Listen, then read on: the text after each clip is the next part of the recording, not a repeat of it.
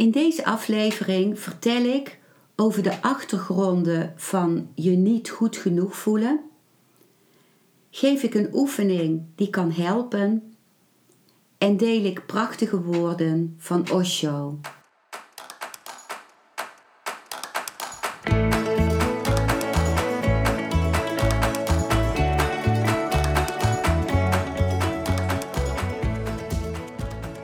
Welkom bij een nieuwe aflevering van Modita's podcast Van Pijn naar Zijn. De podcast waarin ik je meeneem voorbij de pijn in je leven naar wie je diep van binnen bent. Hoe kun je beter omgaan met je gevoelens? Hoe vind je rust in je hoofd? Wat zit er precies achter je pijn? En vooral, hoe kun je steeds meer jezelf zijn? Adem eens diep in en uit. Ik wens je veel luisterplezier.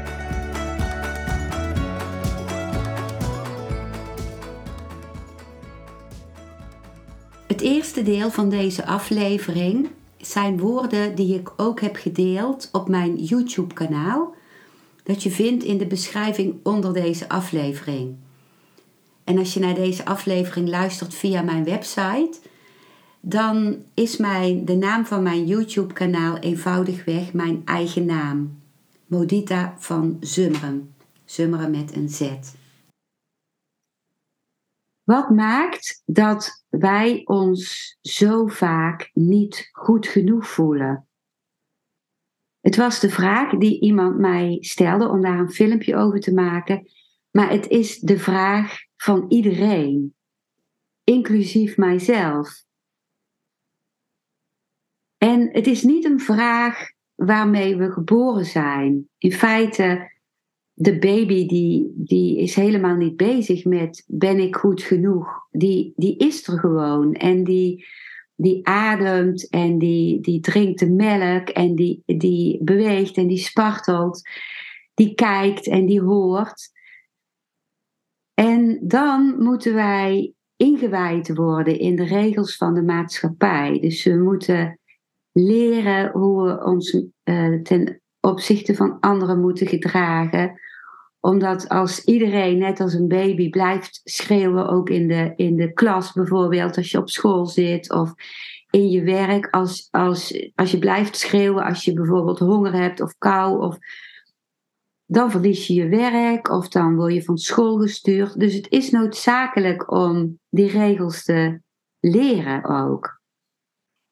En daarmee komen ook alle stemmen van leraren, van opvoeders dit doe je fout en dat had je anders moeten doen. En kijk eens hoe die het doet. En kijk eens hoe, wat die persoon voor een punten haalt op school. En kijk eens hoeveel beter je zus of je broer het doet. Dat is funest, want dat, uh, dat werkt vergelijken in de hand. En met dat vergelijken komt de vraag van, oh jee, iemand anders is beter dan ik. Of eh, ik wil beter zijn dan een ander. En zo kom je op die hele ladder terecht. Die, die ladder naar een zogenaamde top, die er nooit is of nooit zal zijn. En we vinden het heel moeilijk om van die ladder af te komen, want jij staat op die ladder en je lijdt eronder dat een ander een trap hoger staat in jouw ogen, maar Tegelijkertijd sta jij zelf een trap hoger in je eigen ogen als iemand anders. Dus als je van die ladder afkomt, dan verlies je ook het gevoel van beter te zijn dan iemand anders. En het uiteindelijke zijn, als je bij je uiteindelijke zijn komt, dat hoor ik mijn spirituele meester Osho zeggen, dan ben je niet meer bezig met beter of slechter, dan ben je gewoon. Maar dan heb je ook geen ego meer. Dan moet je je ego loslaten. Dan moet je gewoon net zo kunnen zijn als de bomen en de vogels en de bloemen. En niet een speciaal iemand. En juist daardoor ben je speciaal. Maar iedereen wil speciaal zijn. En juist daardoor ben je niet speciaal, want dat is iets wat iedereen wil. En als je dan voelt van, oh, iemand anders doet het beter in jouw ogen, dan voel je al meteen van, ik ben niet genoeg, ik doe het niet genoeg. Ik, kan, ik ken dat van mezelf, bijvoorbeeld. Ik heb bewust voor gekozen om geen kinderen te hebben. Maar als ik bij een moeder ben en zie hoeveel die voor de kinderen doet en hoe haar kind uh, bloeit of hoe haar kind uh, leidt en zij het kind daarmee helpt. En dan, dan voel ik van, oh, uh, dit is zoiets kostbaars. En dat heb ik niet gedaan in mijn leven. En is wat ik daarvoor in de plaats doe, of in de plaats, ja, in de plaats heb ik heel veel ruimte ook om dit werk te doen, bijvoorbeeld, en om ook uh, te werken aan mezelf, is dat voldoende? En mijn spirituele meester Osho, die geeft aan dat wij een lijden hebben. Hij noemt dat, in het Engels noemt hij dat agony. Dat is eigen aan de mens. Een lijden dat eruit bestaat dat je je steeds weer in je leven tot aan je dood afvraagt van is dit wat ik nu doe of, of hoe ik nu ben, is dat echt wat ik wil? Is dat echt waar, waartoe ik me geroepen voel of waar, waartoe mijn ziel mij roept? Dus die vraag van is dit wel het juiste voor mij, die blijft. En dat maakt ook dat we groeien. En dat, dat is ook eigen aan ons mens zijn, aan ons bewustzijn. Dus in die zin is de vraag van, ben ik wel goed genoeg? Um, is dat, kan er achter die vraag zitten van, is hoe ik mijn leven leef, is dat ook wel echt hoe ik het wil? Dus dan gaat het dieper dan het oppervlakkige ben ik wel goed genoeg, wat, wat ook lijden geeft, maar wat te maken heeft met het je vergelijken met anderen. Dan is er nog iets anders. Een kind, als die opgevoed wordt door zijn ouders of door andere opvoeders, dan wil het kind dat die opvoeders blijven staan. En dat die voor het kind kunnen zorgen.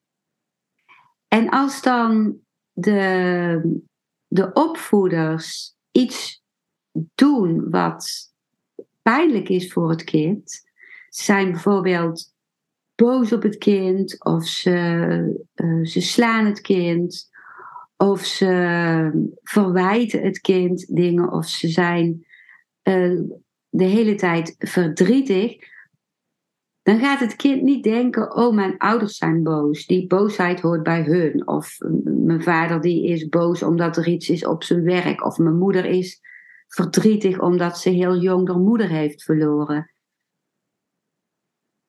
Zo denkt het kind niet, want als het de, de tekortkoming of de, de zwakte of de fout bij de ouder gaat zien, dan is zijn eigen overleving staat dan op het spel. Omdat dan de ouder ehm, niet zo sterk is als het kind nodig heeft. En wat gaat het kind dan doen?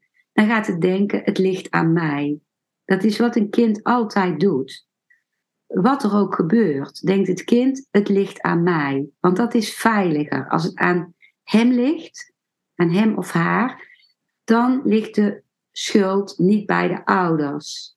Of dan ligt de zwakte niet bij de ouders. Dus dan gaat het kind denken dat mijn ouder boos is, dat komt door mij. Ik ben gewoon een slecht kind die zijn moeder of vader boos maakt. Of als mijn moeder verdrietig is, komt dat omdat ik niet genoeg ben, omdat ik niet genoeg geluk kan brengen aan mijn moeder, want anders zou ze blij zijn.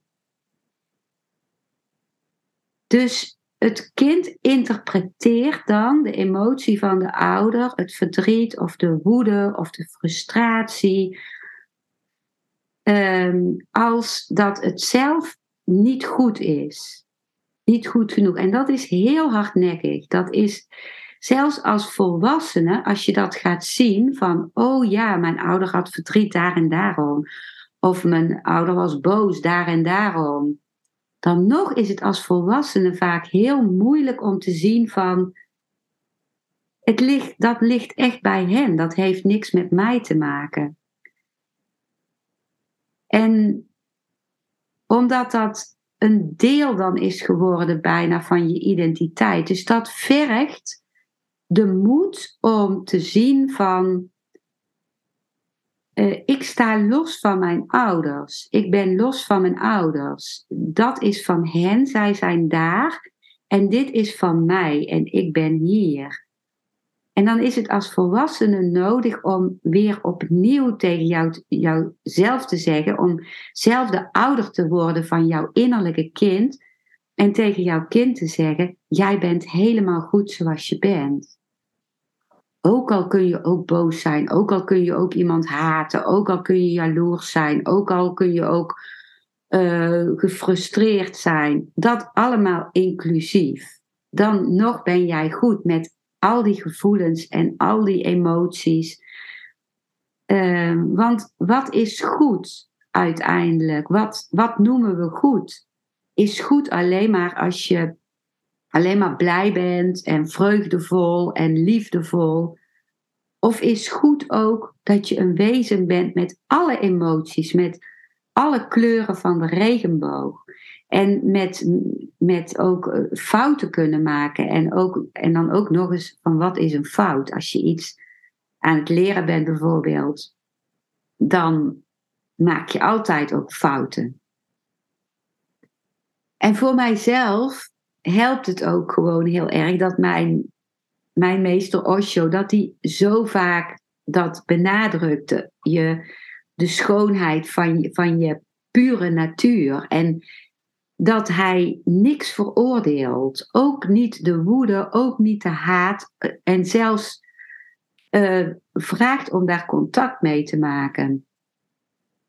Dus uh, als je het niet van je, van je opvoeders hebt kunnen horen of geloven dat jij goed bent zoals je bent, dan is het belangrijk, uh, vind ik, om um, mensen te, te zoeken of, of je met mensen te omringen die wel alles kunnen omarmen, die wel alle emoties tot kunnen laten zijn die wel, uh, die niet bezig zijn met uh, ik moet hoger op de ladder komen. Uh, een ladder die eigenlijk gewoon uitsteekt in het luchtledige, zou je kunnen zeggen. Als iemand de top bereikt, is die vaak niet eens blij. Maar als je je, als je, je omringt door mensen die, die uitgaan van de waarde van het zijn, met alles wat daarbij hoort. Want heel veel in onze maatschappij is gericht op ambitie, op beter worden, op scoren, op, op aantallen, op cijfers. Uh, hoeveel verdien je? Hoe, hoe, uh, hoe hoog sta je in de, in de rangorde op je werk? Uh, hoeveel hobby's heb je? Hoeveel tijd besteed je aan je kinderen? En dat is eindeloos. Uh, maar het zijn allemaal verwachtingen die je dan in feite zelf oplegt. En ik ken dat ook hoor. Dat ik eigenlijk is uh, heel vaak verbonden met de vraag van ben ik wel goed genoeg? Komt dat op als ik me vergelijk deep down met anderen? Als ik me met niemand zou vergelijken, als ik op een onbewoond eiland zou zijn, met de bomen, met de bloemen, daar ga ik me niet mee vergelijken met bomen of met bloemen. Wie zou ik dan zijn? Zou ik me dan nog steeds niet goed genoeg voelen bij momenten? Dat is echt iets moois, vind ik, om, om me af te vragen. wanneer ik vanuit mijn ervaring uh, als familieopsteller kijk, dan zie ik ook dat iemand zich niet goed genoeg voelt, vaak omdat hij iets draagt van een ouder of een voorouder, die zich minderwaardig heeft gevoeld of die vernederd is geweest. Bijvoorbeeld um, omdat er slavernij was in de familie van oorsprong. Of omdat het, er een oorlogssituatie was waarin die persoon zich niet goed voelde en slecht voelde. Of omdat, omdat hij een voorouder had die anderen gedood heeft in de oorlog. En of omdat hij een, een, ehm, een broertje of een zusje had, of iemand uit het familiesysteem van een eerdere generatie die gehandicapt was en waarvan die de gevoelens van die ander draagt, van dat er op die persoon werd neergekeken of dat hij niet voor vol werd aangezien. Dus het je niet goed voelen, het, het je niet goed genoeg voelen, dat kan ook te maken hebben met verstrikkingen binnen het familiesysteem. Ik wil iets delen vanuit de uh, traumaopleiding die ik volg, de traumahelingsopleiding, de somatic experiencing opleiding. En dat is iets wat je mogelijk kan helpen bij die zin die je in je draagt van ik ben niet goed genoeg. Dat is een overtuiging. Dat is een, een, um, met de traumatherapie werken we bijvoorbeeld met SIBAM. SIBAM, dat zijn letters, vijf letters, S-I-B-A-M. De S staat voor sensations, dat zijn lichaamsgewaarwordingen.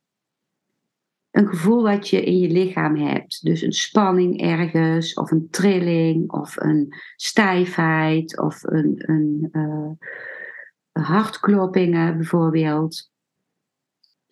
De I die staat voor image. Dat is een, een, uh, een zintuigelijk iets. Dat is vaak de trigger van iets. Dus dat kan zijn iets wat je gehoord hebt, bijvoorbeeld een knal, wat iets getriggerd heeft, of een, een, een, een schokkend beeld, of een, een, een, eens een hele erge kou of hitte. Dat is de I. De B staat voor behavior, dat is gedrag. Dus dat is hoe jij antwoordt met gedrag ergens op. Dat is iets wat je kunt waarnemen. Dus bijvoorbeeld iemand die gaat helemaal in elkaar gedoken zitten. En dan heb je de A, dat staat voor effect. Dat is de emotie. En de M, die staat voor meaning, dus betekenis. Dus dat zijn vijf elementen. Dus bij alles wat wij ervaren zijn die vijf elementen aanwezig. En dan kan er een verandering ontstaan als je beweging gaat brengen in een van die elementen. Dus nu hebben we de vraag van ben ik wel goed, ik ben niet goed genoeg. bijvoorbeeld iemand denkt ik ben niet goed genoeg. Dat is een overtuiging die heel diep kan zitten. En dan ga je waarnemen. Als je deze overtuiging hebt, ik ben niet goed genoeg, wat gebeurt er dan in je lichaam? Dat zijn de sensations. Dus dan ga je voelen van, oh, ik hou mijn adem in. Merk ik nou, als ik die zin denk, ik hou mijn adem in. Ik heb nu al mijn handen zo voor mijn lichaam. Dat is in feite de B, het gedrag. Dus de sensation, de lichaamssensaties. Ik hou mijn adem in. Ik verstok, ik verstijf ook met mijn spieren. Het gedrag is dat ik mijn handen zo doe. Ik voel dat die mij willen beschermen. Dat is op zich ook een goed gevoel dat ik dat doe. En mijn gedrag is ook dat ik mijn bewegingen stop. En de image, het beeld wat ik heb, dat is van, ik zie eigenlijk een beetje een verschrompeld iemand als beeld van mezelf voor me. En ik zie ook dat alles wazig wordt. En het effect, de emotie die ik heb, is schrik. Ik voel schrik. Ook een soort lichte angst. En op de achtergrond voel ik ook verdriet. Verdriet over ik ben niet goed genoeg. En dan de M, dat is de meaning, de betekenis. Wat voor betekenis hecht ik daaraan? De betekenis van ik ben niet goed genoeg is van ehm, ik had harder mijn best moeten doen. Ik had harder mijn best moeten doen. Dus de betek nou zijn er al twee betekenissen. Ik ben niet goed genoeg is een betekenis. En daaraan gekoppeld heb ik de betekenis gekoppeld. Ik had harder mijn best moeten doen. En als ik dat merk, gebeurt er weer iets in mijn lichaamssensaties. Dan gaat mijn buik trekt nog harder in. Ik ga wat meer zo zitten. Dus al die dingen hebben invloed op elkaar. En nou kan ik kiezen in welk van die dingen wil ik een beweging brengen. En ik, ik merk dat ik nu een beweging wil brengen in het gedrag. Het gedrag was dit, mezelf afschermen en bewegingsloos worden. En nu ga ik waarnemen, wat heb ik eigenlijk nodig? Wat heb ik nodig in deze situatie? En ik merk al meteen dat mijn lichaam een soort antwoord geeft wat ik nodig heb. En dat is dat ik dit aan het doen ben. Dat ontstaat spontaan uit mezelf. Dat ik mijn schouders zo doe en dat ik iets naar achteren gooi en dat ik ruimer word. En met dat ik ruimer word, dus ik heb alleen maar in die B, in die beweging iets gedaan. Ik word nu ruimer en daarbij hoort, komt een, verandert mijn emotie. Dat was verdriet en angst en schrik en dat wordt blij. Ik voel me een soort een kind wat echt in actie komt. Een soort, denk ik, neem ruimte. Ik neem ruimte en ik word blij. En ik voel ook mijn lichaamssensaties veranderen. In mijn bekken voel ik een soort energie ontstaan. En ehm, ik voel dat mijn rug en mijn billen ook mee gaan bewegen. En daarbij komt nu een zin op van so what? Van, van wie vertelt mij wat? Ik ben, ik beslis zelf, ik ben mezelf. Dus nu verandert die betekenis ook, of dat oordeel wat ik had.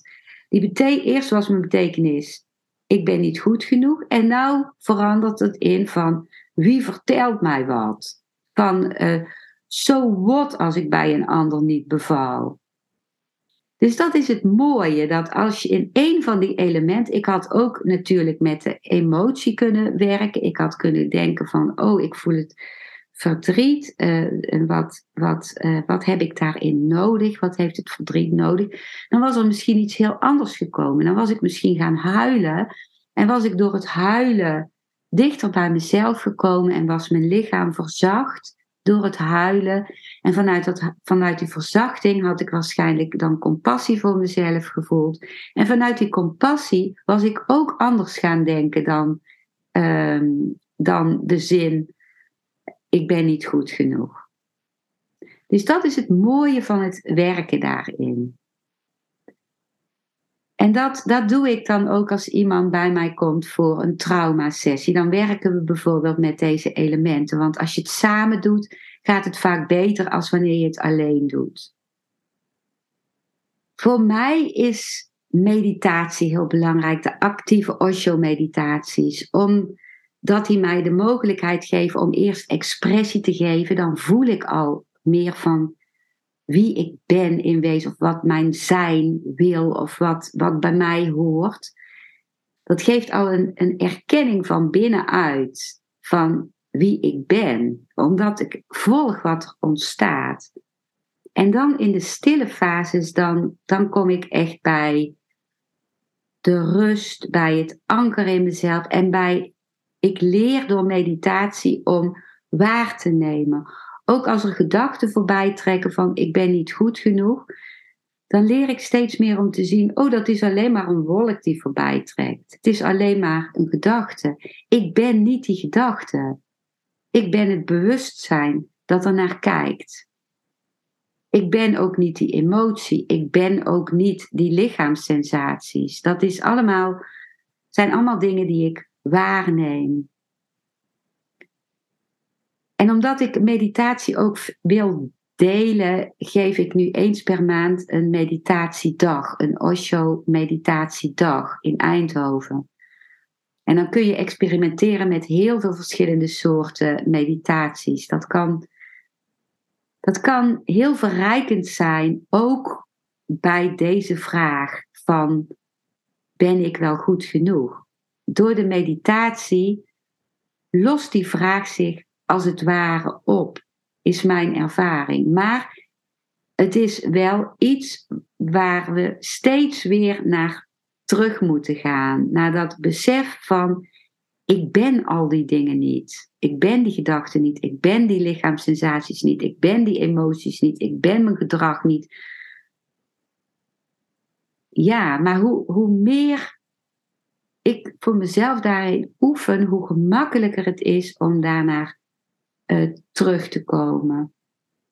Of hoe, gemak, hoe, hoe gemakkelijker het is om te zien waar ik weer in zit. Nu lees ik woorden voor van de Oosterse mysticus Osho. En het eerste stuk wat ik voorlees is opgeschreven in het boek From Death to Deathlessness in hoofdstuk 8.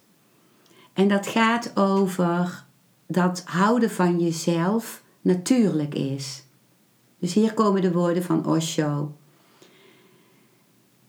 Iemand vraagt aan Osho: Is het mogelijk om verantwoordelijk te zijn voor jezelf zonder eerst te leren om van jezelf te houden? Osho zegt dan: Het is absoluut onmogelijk om verantwoordelijk te zijn voor jezelf, tenzij je leert om van jezelf te houden.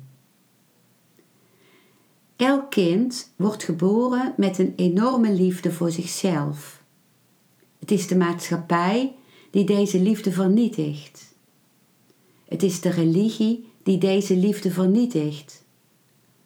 Omdat wanneer het kind verder gaat met van zichzelf te houden, wie gaat er dan van Jezus Christus houden? Wie gaat er van de ouders houden? De liefde van het kind voor zichzelf moet afgeleid worden. Het kind moet geconditioneerd worden, zodat zijn liefde altijd op een object buiten hemzelf gericht is.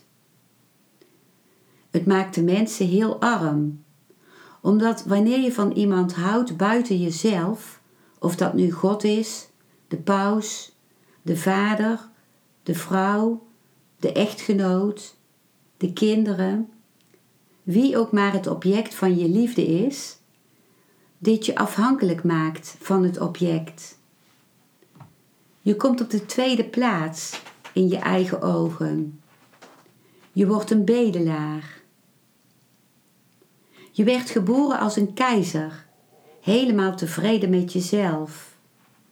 Maar de vader wil dat je van hem houdt. De moeder wil dat je van haar houdt. Iedereen om je heen wil het object van je liefde worden. Niemand maakt zich druk over het feit dat een mens die niet van zichzelf kan houden, ook van niemand anders kan houden. Dus een hele krankzinnige maatschappij wordt gecreëerd, waarin iedereen probeert om van iemand anders te houden en ze hebben niets te geven nog heeft de andere persoon iets te geven. Waarom zijn geliefden steeds maar aan het vechten, aan het treiteren, elkaar lastig aan het vallen? De eenvoudige reden is dat ze niet krijgen wat ze dachten te krijgen.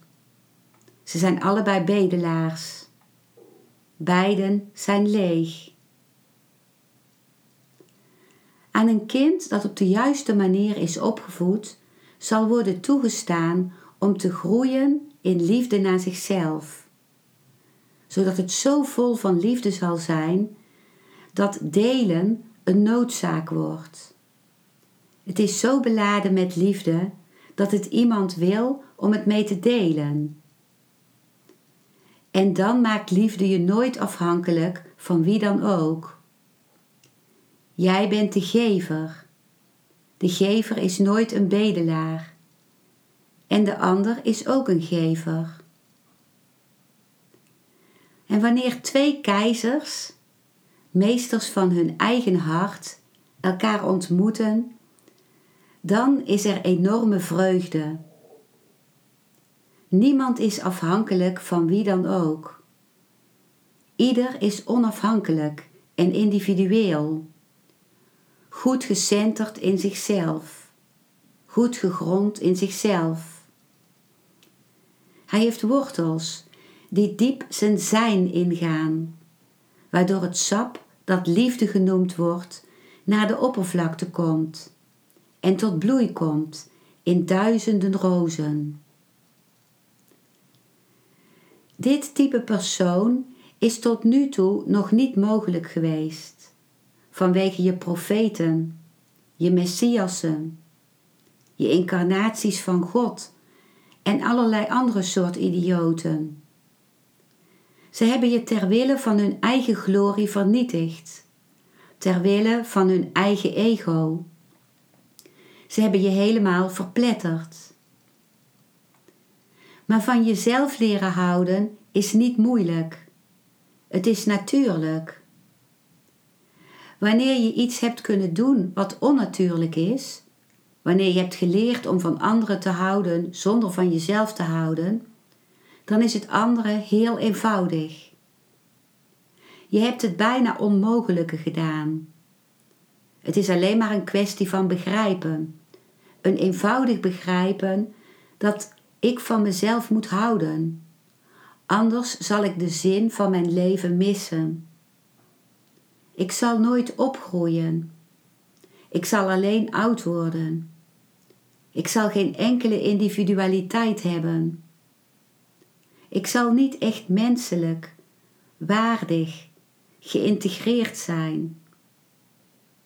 En daarbij, als je niet van jezelf kunt houden, kun je ook van niemand anders in de wereld houden. Zoveel psychologische problemen zijn ontstaan omdat je van jezelf bent afgeleid. Je bent onwaardig. Je bent niet wat je zou moeten zijn. Je handelingen moeten gecorrigeerd worden. Je moet gekneed worden in een bepaald soort persoonlijkheid. Je liefde voor jezelf is een basale noodzaak voor je groei. Dus ik leer je om egoïstisch te zijn wat natuurlijk is.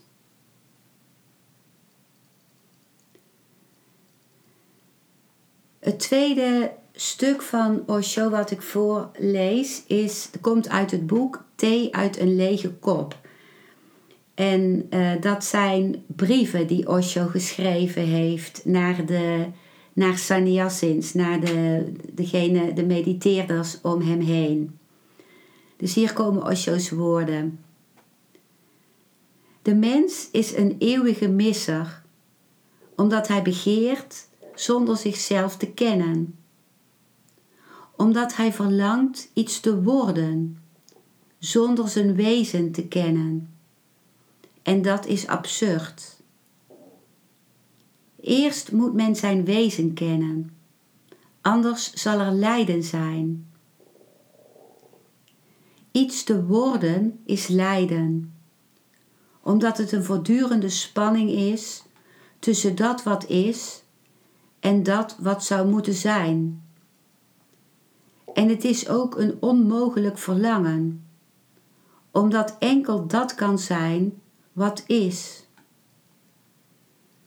Dus ken jezelf zoals je bent, zonder enige idealen, zonder enig oordeel en zonder enige veroordeling. Ga diep binnen in jezelf zonder enig verlangen om te worden, want dan alleen kun je jezelf kennen. Ontdek jezelf, niet naar iemand anders maatstaven, maar zoals je bent. Ontdek het feitelijke. Ontdek het werkelijke in zijn totale naaktheid. Wees in deze volkomen echtheid slechts een getuige. En dan is er een geheel andere kwaliteit van leven. De kwaliteit van het loslaten. Dan ben je totaal ontspannen. En alle bloei is in ontspanning. En alle genade.